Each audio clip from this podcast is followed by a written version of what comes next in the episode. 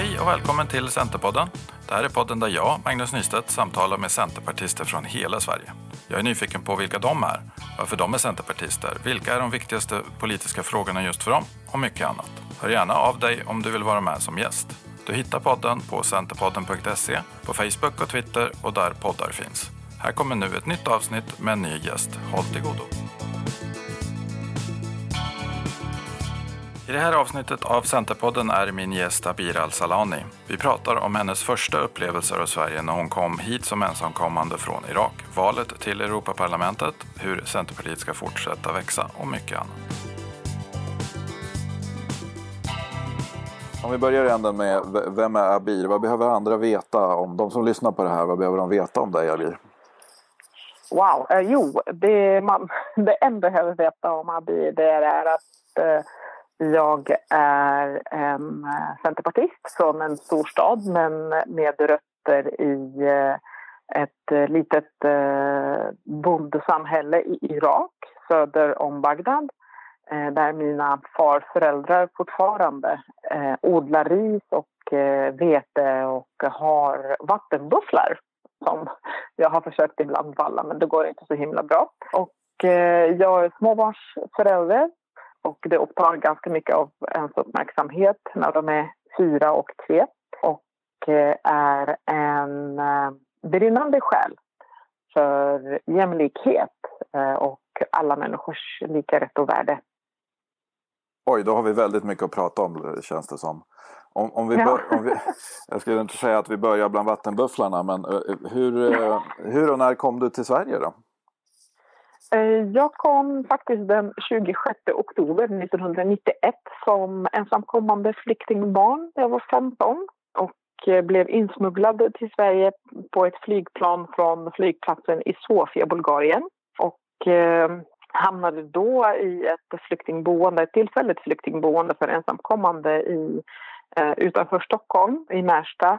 Och sen så hamnade jag uppe i Härnösand i Västernorrland där jag då bodde i 12 år av min tid, som är ganska lång tid faktiskt. Så när jag säger hemma, när jag pratar om Sverige, så är det i Härnösand jag pratar om.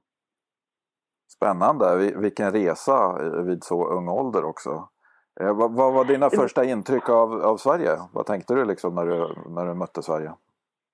Mm, eh, att Ehm, just det här året, 1991, jag vet inte hur många det är som minns det, eh, var ett väldigt snörikt år. Och för Härnösand så var det tydligen ett av de det snörikaste året under de senaste 50 åren eller något sånt där.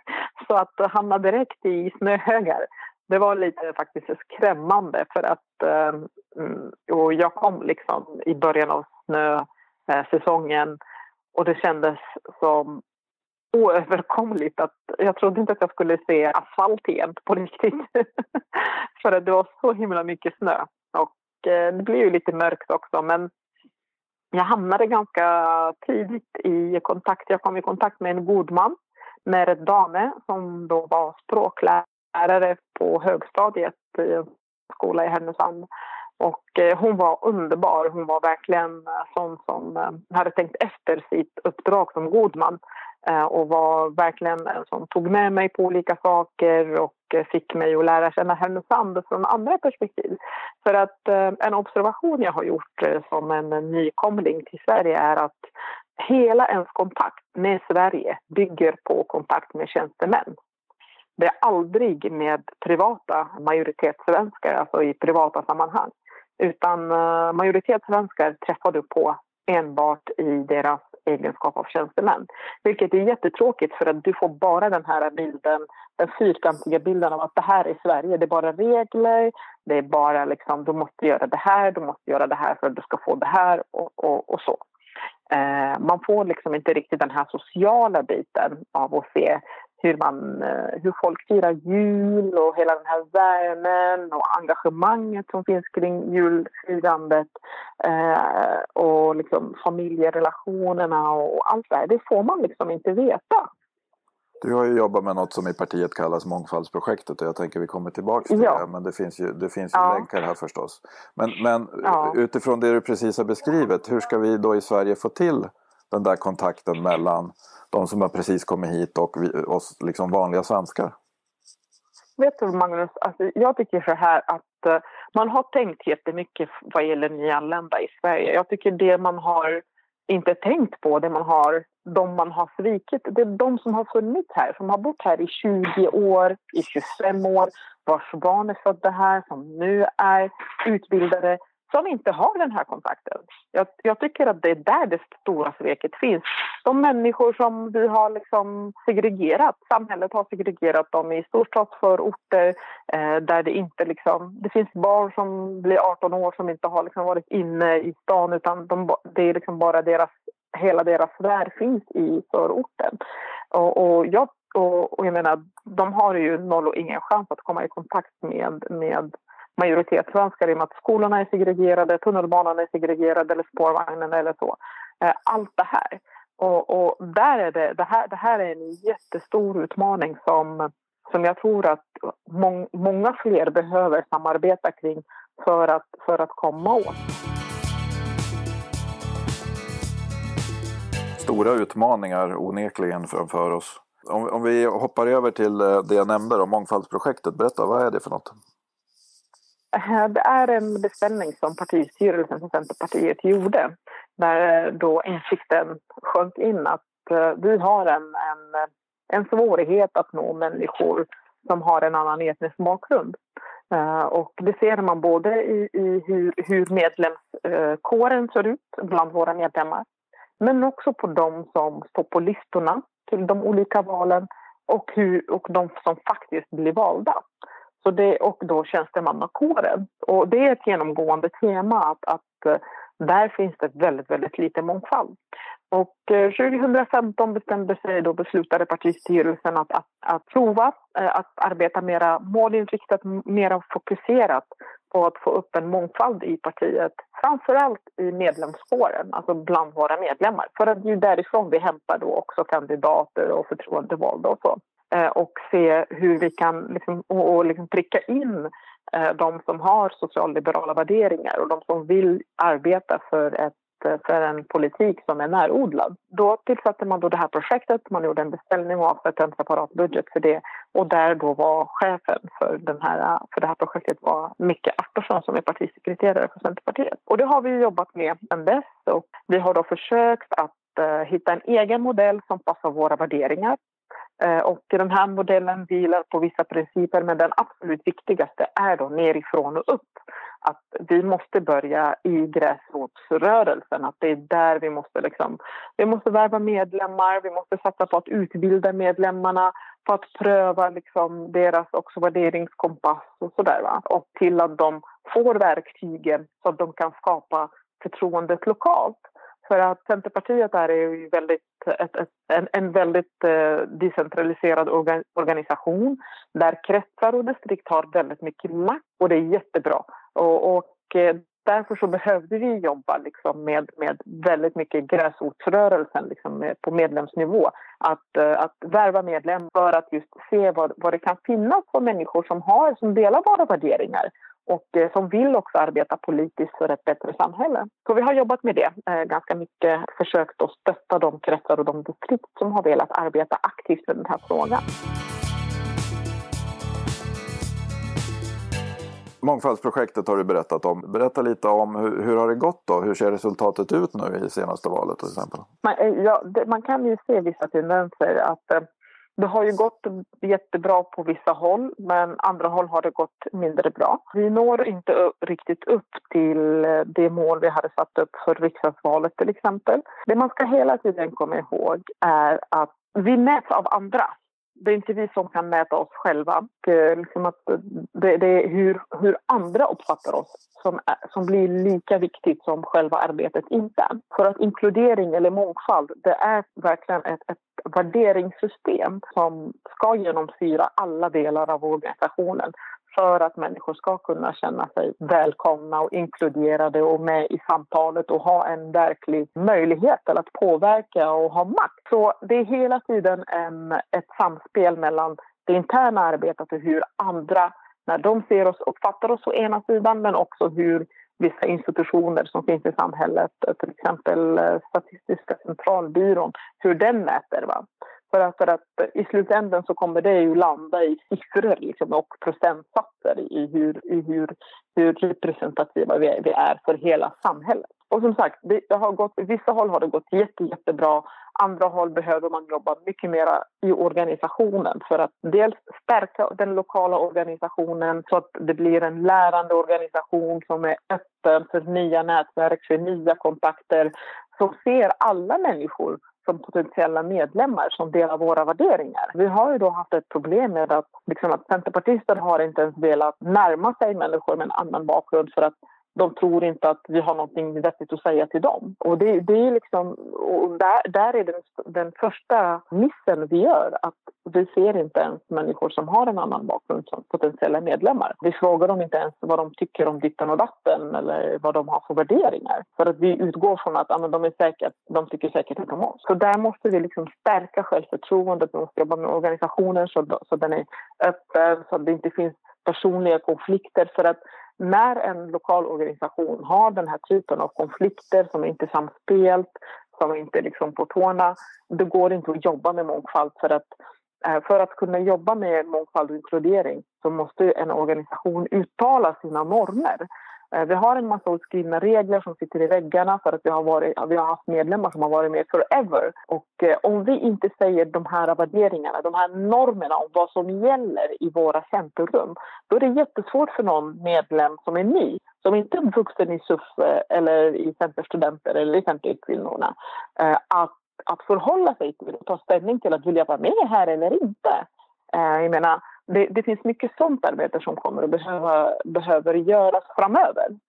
Jag tror det är jätteviktigt hur vi bemöter nya medlemmar och även de som är intresserade av att bli medlemmar. Hur, hur bemöter Absolut. vi dem? Hur bjuder vi in dem? Hur diskuterar ja. vi med dem? Och hur hittar vi mm. liksom forum för dem att komma ja. in på något sätt? Mm. Och jag tror, att det här är, jag tror att det här är en utmaning som alla politiska partier och deras medlemsorganisationer kommer att ha. Och det har de redan i varierande grad. Eh, att, att verkligen liksom i, i, i den lokala organisationen uttala normer, att man har ett värderings, internt värderingsarbete där, där man liksom säger att men det är det här som gäller för våra relationer i partiet. Och det är det här vi ska förhålla oss till.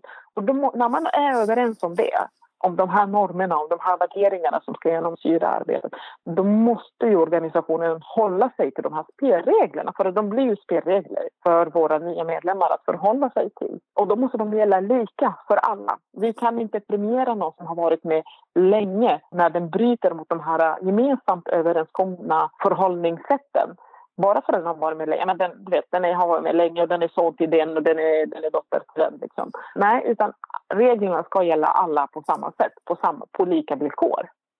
Det där, jag är relativt ny i Centerpartiet. Eh, det är väl tre år sedan när jag gick med. Det där upptäckte jag ganska mm. fort att Centerpartiet är en ganska liten värld om man uttrycker sig så. Eh, och har överlappningar då med, med, med, organisationer som LRF och studieförbund och så vidare. Men det är ändå en ganska liten klick människor som mm. man, man liksom rör sig inom.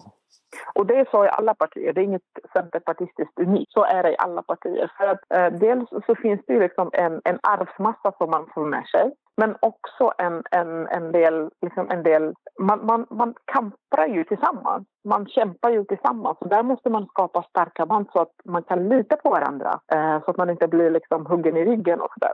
Och, och den här kampen eh, och de här förbunden, de får inte vara exkluderande. Det är jättebra att de finns, de är nödvändiga för att ibland eh, ganska ofta hamnar vi i blåsväder som politiker och som centerpartister så då måste man liksom vara en enad front och ta de här fighterna och stötta varandra. Problemet blir när vi inte släpper in någon i de här grupperna. Problemet uppstår när vi stöttar någon men inte den andra när det blåser. Och då gäller inte liksom spelreglerna lika för alla. då ska vi vara en växande organisation. Då måste vi eh, mäkta med att verkligen förhålla oss på samma sätt till alla som håller sig till reglerna.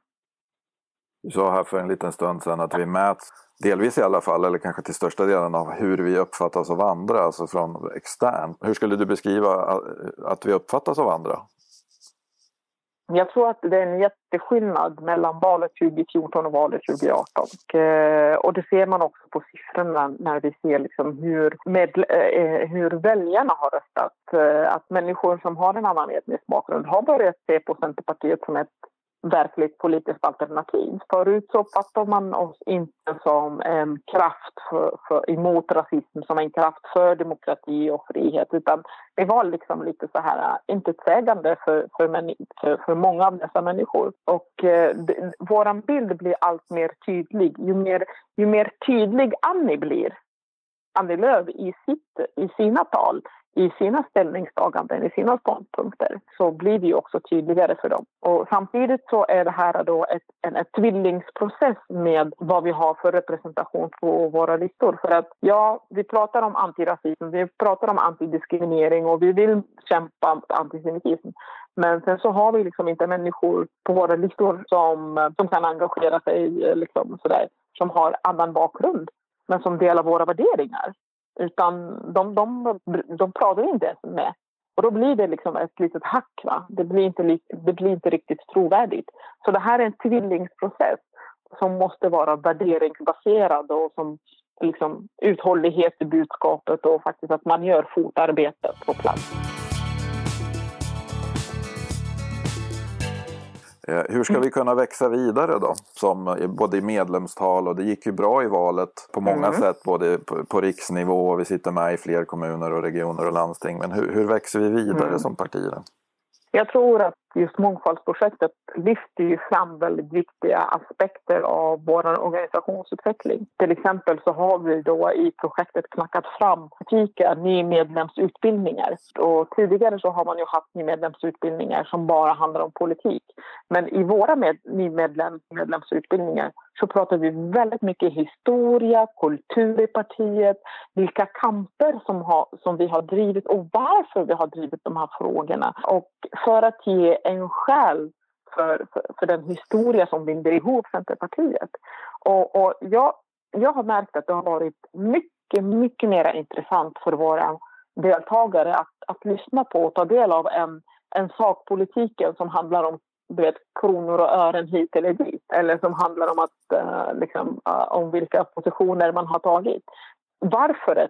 Svaret på varför och svaret på hur är så mycket intressantare.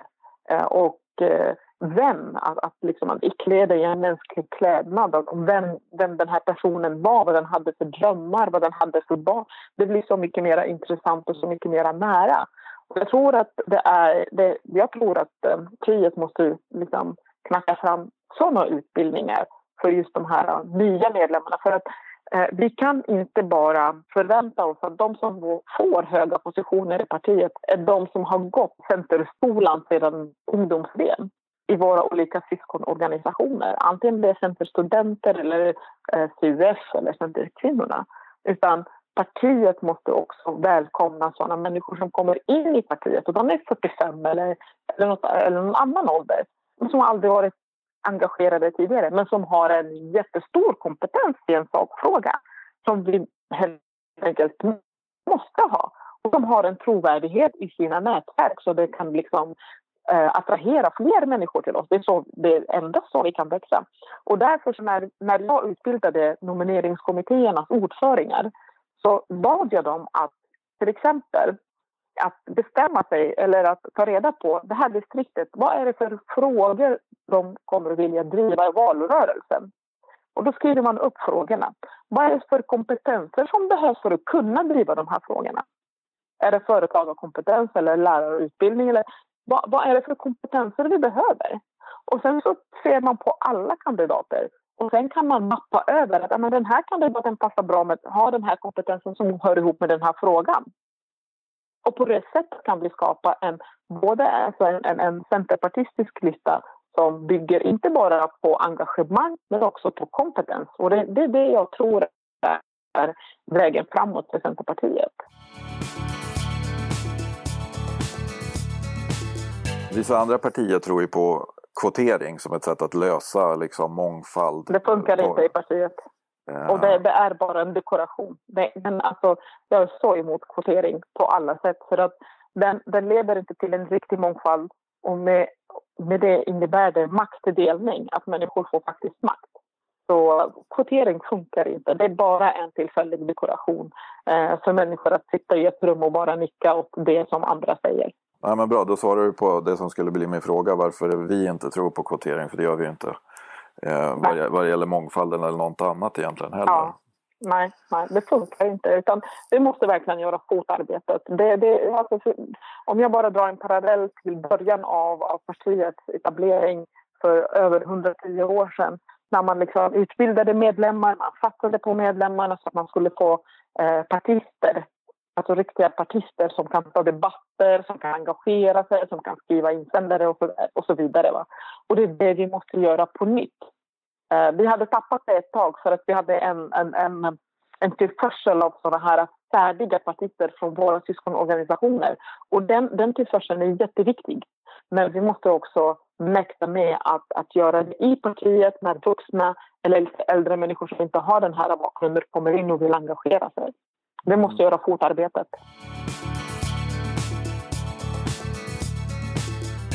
Men om vi byter spår lite grann då. Det har ju, det, vi har ju precis gått igenom ett val och, och försöker hitta vilken regering fortfarande. Men det är ju ett val nästa år också till EU-parlamentet.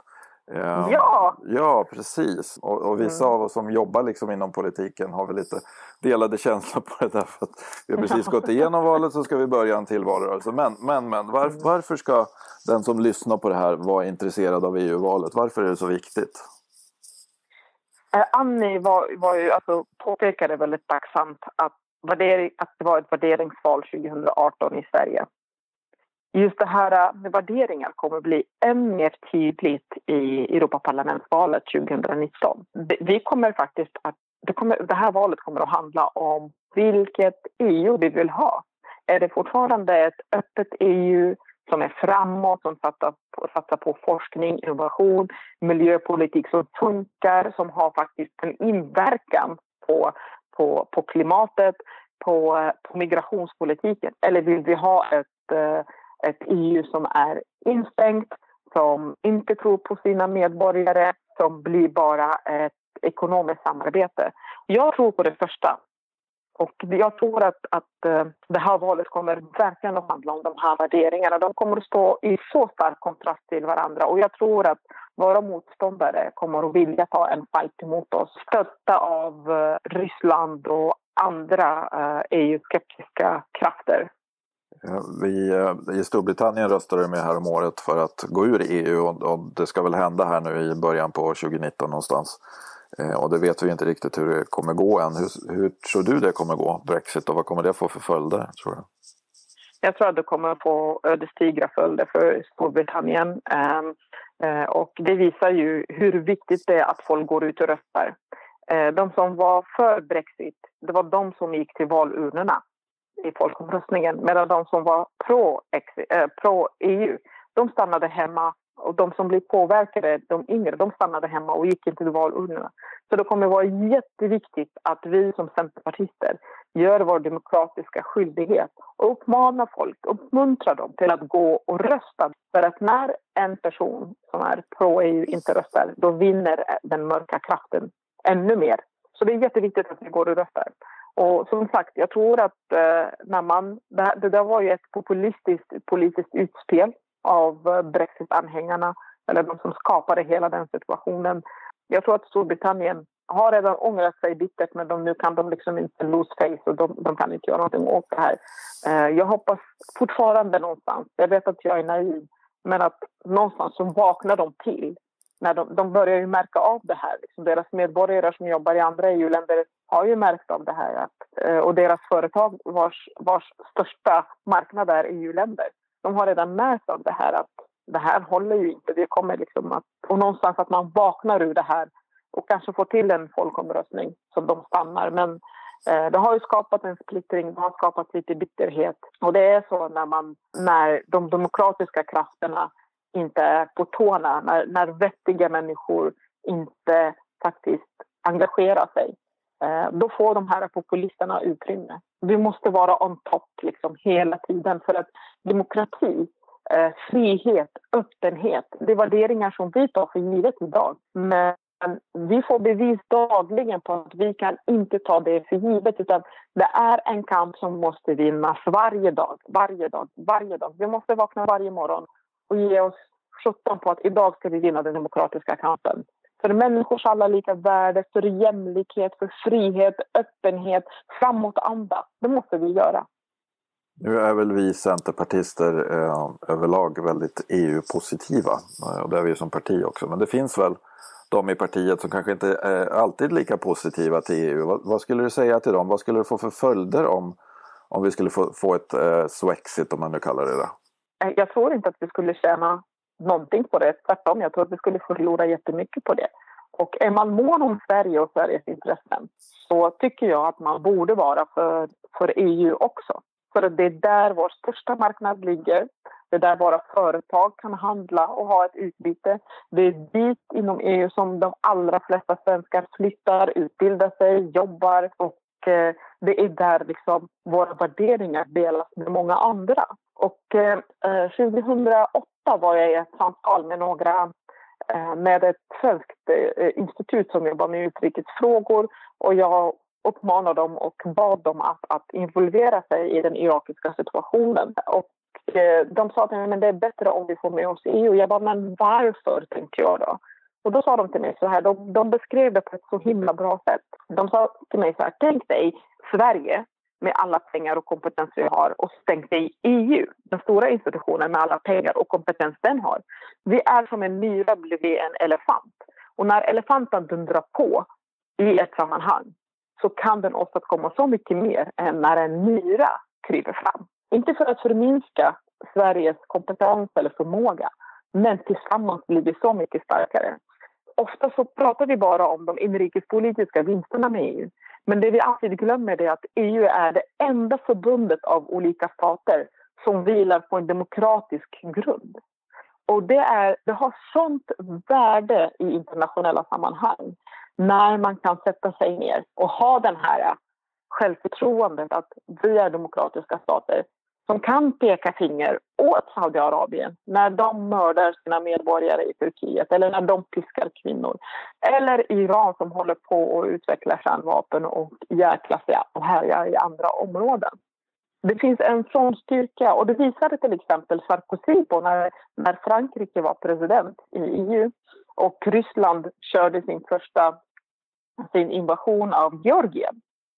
Och den ryska armén var bara 40 kilometer utanför den georgianska huvudstaden Tbilisi.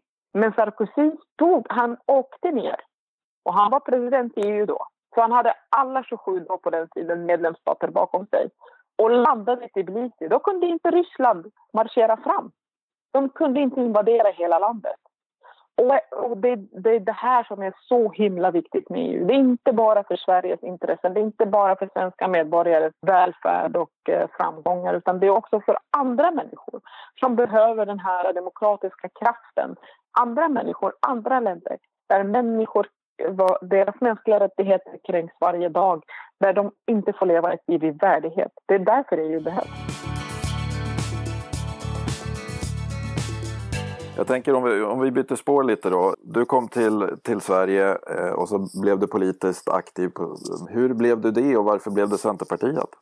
2002, där hösten, så bestämde sig Bush den yngre att invadera Irak eh, eller befria Irak från Saddam Hussein. Och då började vi ett arbete, min far och jag, med att fråga olika partier. Eh, vi hörde ju debatten hela tiden. Folk var ju ute och demonstrerade emot en sån intervention. Och vi då som var irakier, och min pappa och min mor har varit politiskt aktiva i opposition mot eh, Saddam Hussein och hans parti, Baath-partiet, redan i slutet av 60-talet.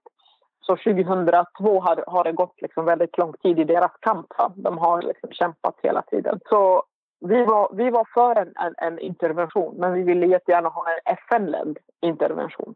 Men tyvärr så mäktade inte omvärlden med att ta sig i kragen och, och hjälpa Irakien att bli av med Saddam Hussein. Och eh, pratade med olika politiska partier och alla var nej.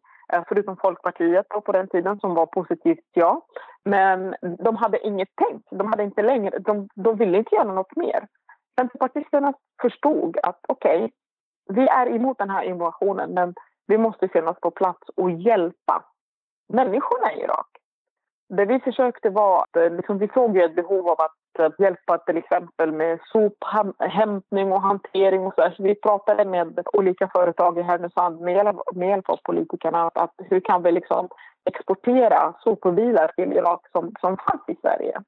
Eh, det, det fanns inte i Irak på den tiden och nu pratar vi på 2002. Och 2003 fördjupades de här samtalen än mer och 2004 träffade vi då Centerpartiets internationella stiftelse som berättade för oss att de arbetar enbart med politiska partier och, och syskonorganisationer eller systerpartier ute i världen.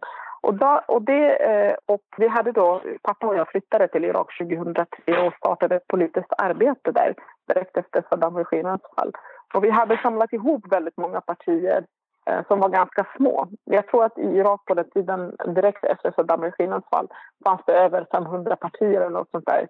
Det var sjukligt nummer. Eh, men eh, det är jätteviktigt liksom att det, det, kommer upp de här politiska organisationerna för att, för att visa på mångfalden och sådär i, i ideologierna.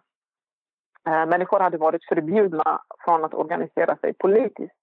Så vi startade ett samarbete med SIS där vi utbildade människor i, i demokratins former. Där vi liksom eh, uh, utbildade människor i föreningsarbete och styrelsearbete och allt sånt där som behövs Eh, för att vi, hade, vi har fortfarande den tron att utan demokratiska partier så kan en stat inte bygga en demokrati. Så det var, det, det var så jag kom i kontakt med Centerpartiet och jag läste det partiprogram som fanns som heter eh, Där människor får växa. Och jag blev frälst när jag läste det. Liksom det, var, det, var, det var värderingar som verkligen liksom föll rakt ner i mitt hjärta. Och jag översatte det materialet till arabiska som vi då använde i utbildningssyfte i Irak. Dock var det inget krav från SIS, liksom. det var inte det som var kravet. Men jag tyckte att det var väldigt bra formuleringar och väldigt visionär text och det var verkligen tilltalande, tilltalade min, min vision och min dröm för Irak. Det tog ett tag. Jag kom tillbaka hem, jag flyttade hem igen 2007 efter eh, hot i Irak eh, för att jag var ganska uppkäftig. 2007 eh, så blev jag också medlem i Centerpartiet när jag kom hem tillbaka till Sverige. Det var en ganska, en ganska praktisk fråga då som ledde dig in i Centerpartiet. Vad, vad är det för, om man säger politiska frågor då eller ideologiska frågor som, del, som, gör, att du känner, som gör att du känner de att Centerpartiet centerpartisterna, Ja, de första centerpartisterna jag träffade var ju Ingrid Flodin och Jonny Lundin uppe i Härnösand. Väldigt jordnära, kompetenta människor som hade ett engagemang för sina medmänniskor. Och det var liksom det första som tilltalade mig. Så, och sen så träffade jag på SIS och deras dåvarande generalsekreterare Siv eh, Westberg. Jag menar, det var, det var ett, engagemang, ett riktigt engagemang för människor. Ett riktigt engagemang för miljön det var inte bara, liksom, det var inte bara en massa fina teorier eller en massa fina tankar och snack utan det här var liksom your doers i samhället. Det här var att göra människor som bara vet, upp armarna och det var något väldigt tilltalande i den, i den partikulturen som tilltalade mig i alla fall. Och jag tror att jag blev kär i partiet för, och sen blev jag kär i värderingarna och tankarna. För att jag blev liksom, jag förälskade mig i de här människorna som var så jordnära, så himla bra, så, så mycket värme och, och eh, liksom, ingenting var konstigt. De fixade allting. Och det var verkligen, jag är en sån person också. Som, inget är konstigt, vi fixar liksom. Inga, det finns ingenting som är svårt eller omöjligt. Det, sen så började jag läsa som sagt den här, det här partiprogrammet som, som var partiets program fram till 2011 där människor får växa som jag har inhämtat väldigt mycket inspiration ifrån för mitt, och, eh, mitt politiska engagemang. Men själva tanken om att vi, har, vi ska bygga ett samhälle där vi, om det är något som är problematiskt, då ska vi se till att fixa systemen innan vi börjar tänka på att vi ska fixa i människorna. För att oftast, jag, jag har den här grundläggande synen att alla människor egentligen, de vill väl, de vill göra rätt för sig. Och, och de vill vara, så att säga, inom parentes, eller inom citation, citattecken, goda. Och det är det som genomsyrar partiet och partiets ideologi. Att vi tror på människorna. Och därför så, är det någonting som inte funkar, då ska vi se vad är det i systemet som gör att de här människorna inte får faktiskt förverkliga sig själv. Som, som gör att människor inte får vara sig själv. Det där var väl en jättefin beskrivning av det vi brukar kalla närodlad politik. Och jag känner igen mig i det där att en sak som eh, förvånade mig på ett positivt sätt när jag hade gått med i partiet det var hur, hur väl liksom jag klickade med människorna i partiet. Jag hade ju mm. läst idéprogrammet så där innan jag gick med eh, så att jag visste ju att frågorna mm. klickade.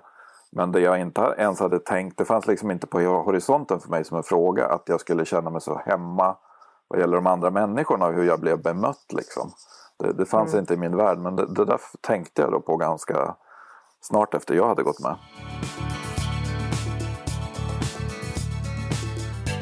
Ja. Okej, då har vi pratat om, om ganska mycket och ganska länge. Jätteintressant samtal. Jag har två slutfrågor som jag ställer till alla. Och den första av mm. dem är, eh, jag kommer ju prata med andra centerpartister runt om i, i Sverige. Vad skulle du vilja att jag pratar med dem om? Vad, är det för typ av, vad skulle du vilja höra eh, från de samtalen om du skulle lyssna på dem? Eh, dels så vill jag liksom höra eh, vad, hur de tänker om framtiden. Eh, vad, de, vad de partiets organisation, vad är, vad är drömscenariot för dem? Hur skulle, hur skulle de vilja utveckla partiet internt? Och var hamnar liksom mångfald och vad, vad de tycker att det ligger på dem som deras ansvar att göra? För att mångfald och inkludering handlar både om det här fotarbetet men också väldigt mycket det är ledarskapsfrågan. Och det andra är hur de tänker kring segregationsfrågorna. Har de några tankar? Har de varit i segregerade områden eller socioekonomiskt utsatta områden som jag vill hellre kalla det? Eh, vad är deras intryck? Vad har de vänner där? Skulle de vilja ha vänner där för att lära sig, för att veta mer om deras perspektiv? Det skulle jag vilja veta mer om. Jättebra frågor, tack för det. Och den andra frågan jag har då till, till alla jag pratar med. Har du något förslag på eh, vem eller vilka andra centerpartister jag borde prata med? Jag tycker att uh, Mattias Larsson uppe i Umeå är alltid intressant för att han har historiska perspektiv. Eskil Erlandsson är väldigt, väldigt intressant. Sen så tycker jag att Sofia Jarl, som är ordförande för CK, är väldigt viktig faktiskt att ha med i ett sånt uh, samtal. Det är jättemånga intressanta människor, men uh, en, en otroligt dedikerad centerpartist som, är, som har väldigt fräscha glasögon det är Nina Music som, är, som bor i Göteborg eh, som är också som blev inkryssad till, eh, till regionfullmäktige som är otroligt. Hon var vårt toppnamn eh, i, i Göteborg på regionlistan. Sen så har vi en, en tjej som heter eh, Lamis Nouri som är från Laholm och ganska ny i Sverige men som är otroligt engagerad centerpartist och som, som sitter i kommunfullmäktige eh, i Laholm. Henne borde du intervjua. Men jättebra, tack för de tipsen. Jag, jag, skriver upp dem på listan och jag ska ju försöka få med göra ett sånt här samtal i veckan i alla fall. Det är lite ambitiöst. Ja. Men jag ska försöka det har fungerat så bra hittills. Men då avrundar vi. Tack så jättemycket Abid. Det var ett eh, jätteintressant samtal. Tusen tack Magnus för att jag fick vara med och ursäkta stöket.